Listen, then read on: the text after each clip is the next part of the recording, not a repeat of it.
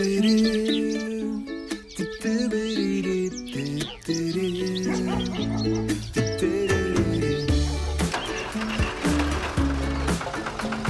setve do žetve. Oddaja o kmetijstvu programov Radia Slovenija.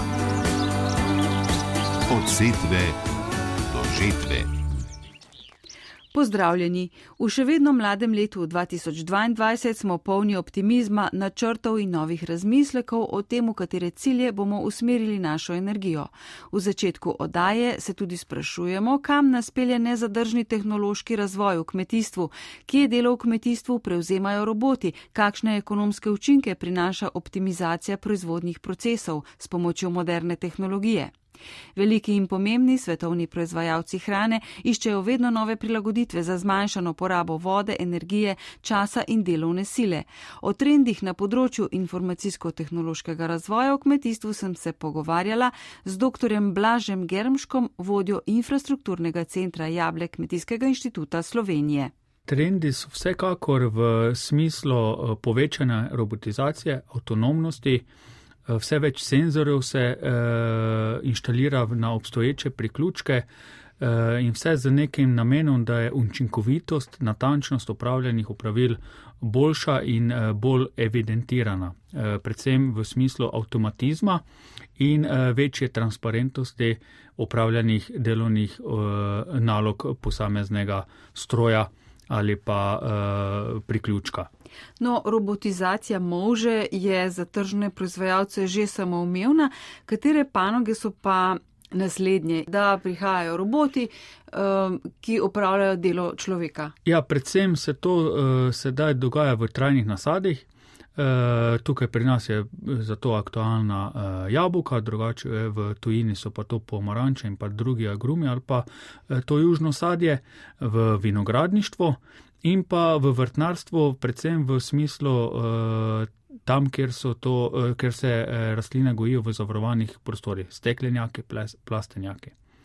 Menda v Združenih državah Amerike so cele plantaže različnih nasadov, recimo grumov in to vse že obdelujejo samohodni roboti. Ali je res tako ali so to samo propagandni filmi? Eh, ja, nekaj je propagande, nekaj pa je eh, tudi resnice. Eh, je pa res, da je teh avtonomnih vozil, robotov vedno več. So pa to specifično. Naprimer, lahko bi izpostavil v Ameriki veliko mero v teh trajnih nasadih lešnikov ali pa nasploh lupinarjev uporabljajo avtonomne škropilne enote. Se pravi, da je teh škropljen, ko so prej bile izvedene z traktorji in pa priključnimi pršilniki, vedno manj in jih izpodrivajo avtonomni roboti. Na vprašanje je, kakšni roboti pa so to? Bi jih lahko prilagodili tudi za slovensko kmetijstvo in kako pomembno roboti rešujejo te kmetijske panoge pred zlomom zaradi pomankanja delovne sile? Jaz mislim, da bomo robote oziroma podjetja, ki proizvajajo to vrstne robote, težko prilagajala robote oziroma vozila slovenskemu kmetijstvu.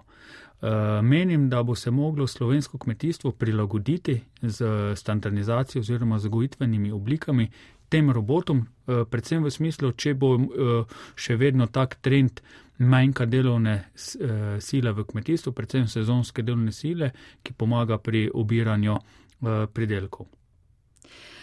Skratka, nova sezonska delovna sila bodo roboti. Ja, v Severni Ameriki se kaže, da to ne moremo več govoriti o futurizmu, ampak o nekem realnem poslovnem modelu. Eh, zavedati se moramo, da nakup eh, robotov ali pa flote robotov, da se tako izrazim, ni, ni uh, poceni.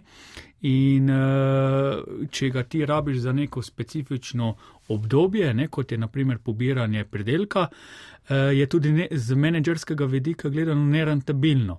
Eh, tako kot eh, se je sedaj najemalo pa plačevalo delavce za pobiranje pomaranč, eh, grozdja, jabolk, ne, tako se pa v tem trenutku najame določeno floto robotov, ki to upravijo na mestu ljudi, zraven flote pa pridajo upravljalec ali pa dva, ki pa to upravljata. Naložbe v modernizacijo kmetij so visoke in zahtevne, kar dobro ve mladi gospodar Simon Čretnik iz občine Žalec, ki ima trenutno najsodobnejši hlev za krave moznice v Sloveniji in velik kredit. Trenutno so edini na svetu, ki imajo v hlevu tla, ki simulirajo pašnik in poskrbijo za udobje živali. Kako gleda na uvajanje robotike, digitalizacijo in druge inovativne tehnološke rešitve pri nas? Ja, jaz mislim sam, da je recimo digitalizacija v kmetijstvu oziroma robotika in vse te zadeve so nekako uh, neizogibne, tudi v slovenskem kmetijstvu. Zdaj, um, mogoče živinoreja je tukaj že mal z temi moznimi roboti, mal že um, naprej, že mogoče mal bolj upeljana v to, ampak tudi druge panoge se zdaj z raznimi senzori in zbiranje podatkov raznih že tudi vedno bolj dostopno za več uporabnikov.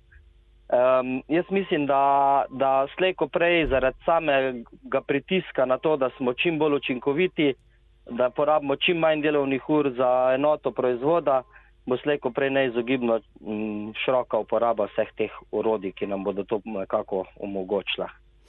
Kako pomembni pa so pri tem uh, razpisi, uh, kako pomembni so ugodni krediti, ker te stvari niso poceni? Ja, definitivno so razpisi pomagajo pri tem. Uh, je pa pomembno tukaj, da se, da se vedno nekako, da, da te tudi razpisi ne zavedajo, da bi zdaj, um, ne vem, kupoval čisto po vrsti, kar mogoče sploh nekako ne bodo prinesli uh, k tvoji kmetiji. Tako da v bistvu nekako še vedno neka previdnost, ampak definitivno z razpisi je vse skupaj, je vse skupaj lažje. Uh, in tudi te, um, ne vem, te ugodnejši krediti bodo nekako v prihodnosti, po mojem, še, še bolj, glede na to, da se količina denarja, ki se na teh razpisih uh, porabi za, za investicije, zmanjšuje, uh, bo po mojem tudi vedno bolj pomembni bodo ugodni uh, krediti. Kmetijsko ministrstvo ima za podporo tehnološki modernizaciji in digitalizaciji v prihodnjih letih na voljo bistveno več sredstev kot kadarkoli do sedaj.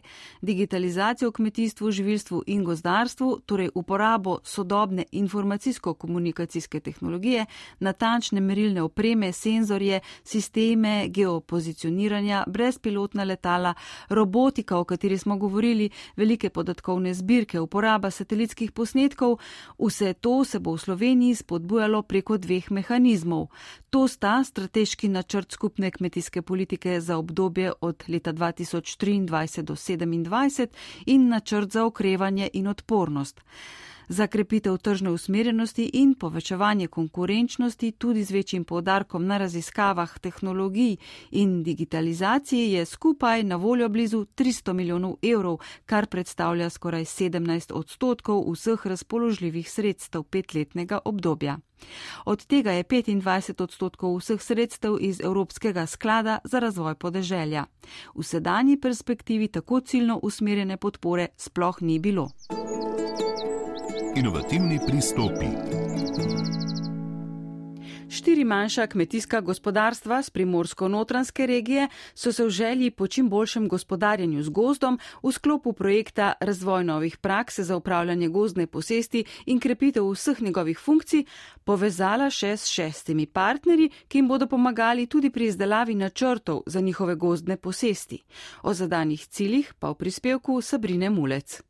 V Sloveniji je ogromno malih gozdnih posesti, udeleženci projekta, ki ga sofinancira Evropski kmetijski sklad za razvoj podeželja, pa bi se radi naučili čim boljšega in čim bolj racionalnega upravljanja z njimi. Tamara Urbančič. Ta kmetijska gospodarstva naj bi skupaj s spravi strokovno šolo postojna in z stritih DO razvijala nove prakse za upravljanje malih gozdnih posesti pa tudi krepitev vseh funkcij teh malih gozdnih posesti z namenom, da se lesu v gozdu doda vrednost in a, da kmetija dobi nekoliko več od gozda, kot če bi prodala navadna drva ali pa sekance. Kmetije so spoznale, da je nekako gospodarjenje z zasebnimi gozdovi premalo usmerjeno. Tudi zasebni gozdovi so manjši, in uh, da kmetije včasih nimajo ustreznega znanja in informacij. Zato so se pač povezali v ta projekt, da skupaj s strokovnjaki dobijo tako znanje kot informacije za upravljanje gozdnih posesti. Rezultat uh, projekta so pripravljeni načrti gozdne posesti. Preko projekta so kmetje dobili precej novih znanj in informacij, tudi glede alternativnih oblik uporabe lesa in uh, to želimo tudi širiti. Pri projektu sodeluje tudi Višja strokovna šola postojna smer gozdarstvo in lovstvo. Predavatelj Tadej Kogovšek pojasnjuje, da jim projekt predstavlja izziv, predvsem v povezovanju z lokalno skupnostjo s prenosom znanj, ki jih na šoli ne manjka. Pa tudi kot pilotni projekt za prikaz dobrih praks gospodarjenja za naše študente. Glavni cilj smo imeli implementirati podatke, ki jih je za gozdove v Sloveniji v resnici zelo veliko. Zavod za gozdove dela dober monitoring in dobro načrtuje, vendar na večjih območjih, torej osnova je gozdno-gospodarska enota. In prav te podatke smo poskušali spraviti na parcelo natančno. Dokazali smo, da se da, sicer je potrebno kar nekega znanja, pri tem pa smo poudarjali tudi druge pomembne funkcije gozdov, torej ekološko funkcijo, socialno funkcijo in seveda tudi proizvodnjo funkcijo. Vse to smo poskušali vključiti v načrte za upravljanje manjših gozdnih posesti. Poleg tega smo pa pokazali tudi, kako se iščete podatke in se jih prenaša na nižji nivo.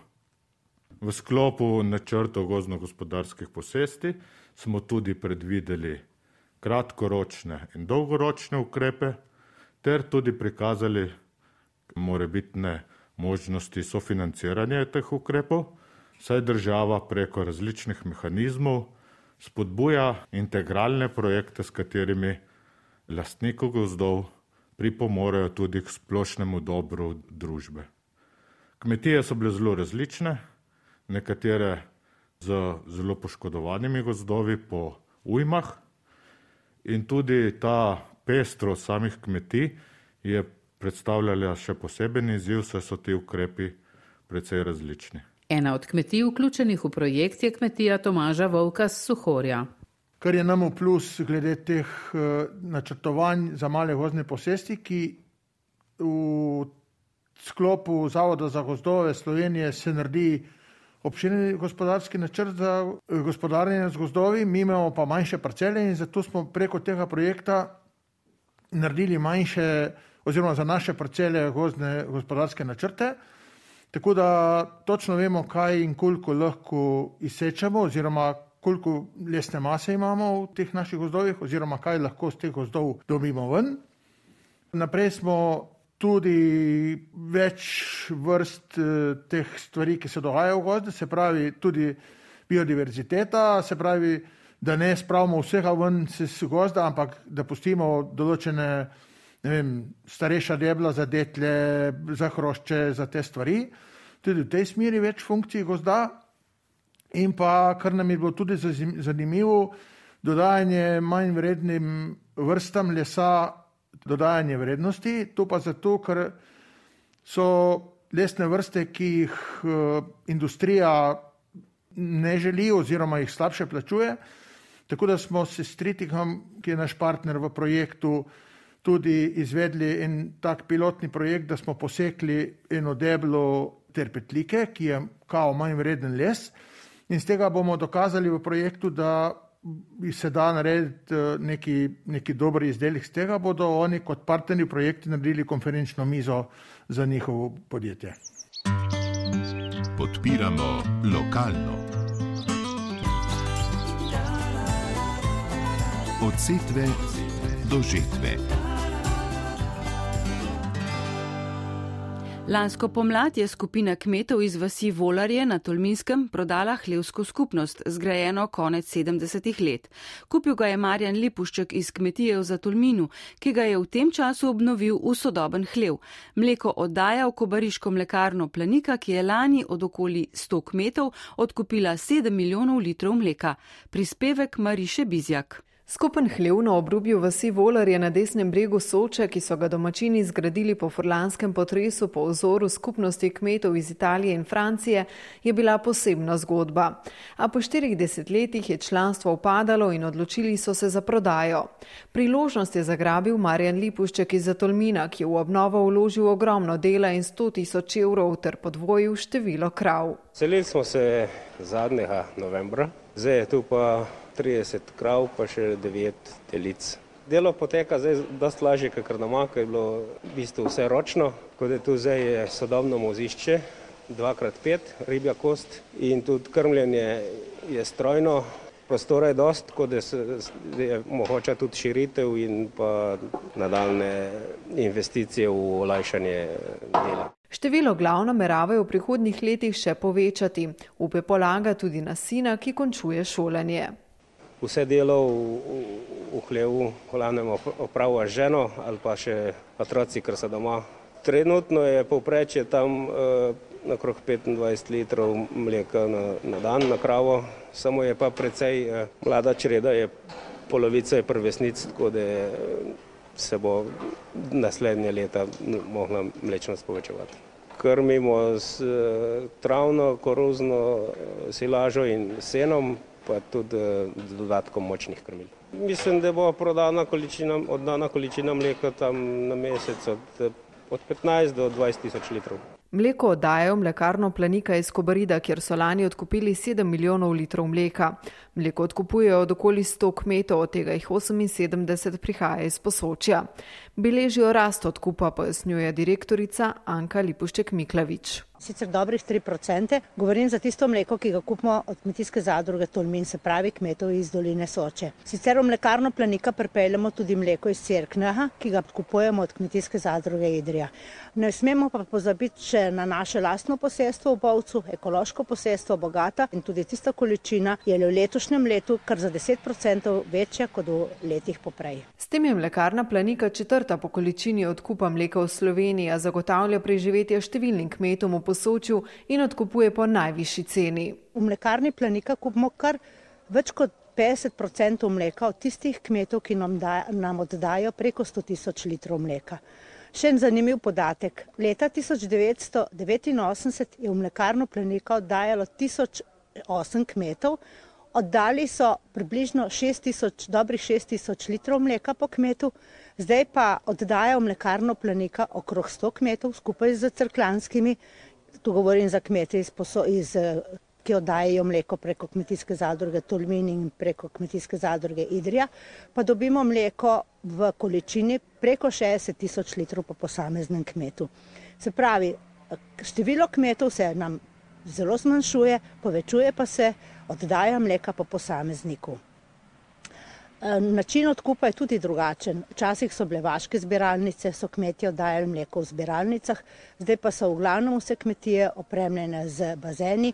Naš kamion gre vsak drugi dan po mleko na posamezno kmetijo, ga tam prečrpa in potem prepelje v planiko. In še nekaj bi rada povdarila, tudi izjemno se je povečala kvaliteta mleka, tako da se lahko pohvalimo res z dobrim, dobro, kvalitetno surovino, iz katerega potem lahko narediš tudi dober končni proizvod. Pri prodaji pa tako se veste, zdaj smo v časih, ki so izjemno, bom rekla, zahtevni, polno, soočamo se s polno izzivi, pač v mlekarni se moramo prilagajati, deloma se prilagajamo tudi z proizvodnim programom.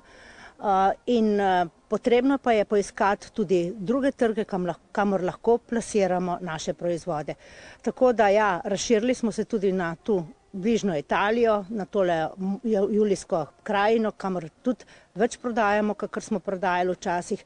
Drugač pa, kot sem rekla, proizvodno prilagajamo dnevnim potrebam oziroma dnevni prodaji in uh, tako nekako uh, lahko potem predelamo mleko, ki ga odkupimo v tej dolini Soče in uh, predelamo v proizvode, ki so všečni tudi našim kupcem. Znani so po številnih izdelkih od masla, jogurtov, kefirja, skute, sirov z različnimi dodatki in celo do skutnega namaza z dimljeno postorvjo.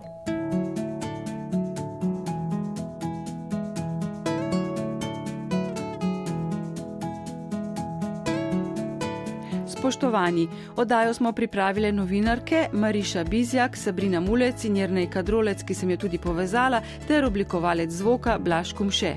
Naše oddaje najdete na spletnem arhivu radio1.si, dostopne so tudi v arhivu oddaj od setve do žetve na portalu MMC in v aplikaciji za podkaste. Lep dan in srečno! Od setve do žetve. Oddaja o kmetijstvu programov Radia Slovenija.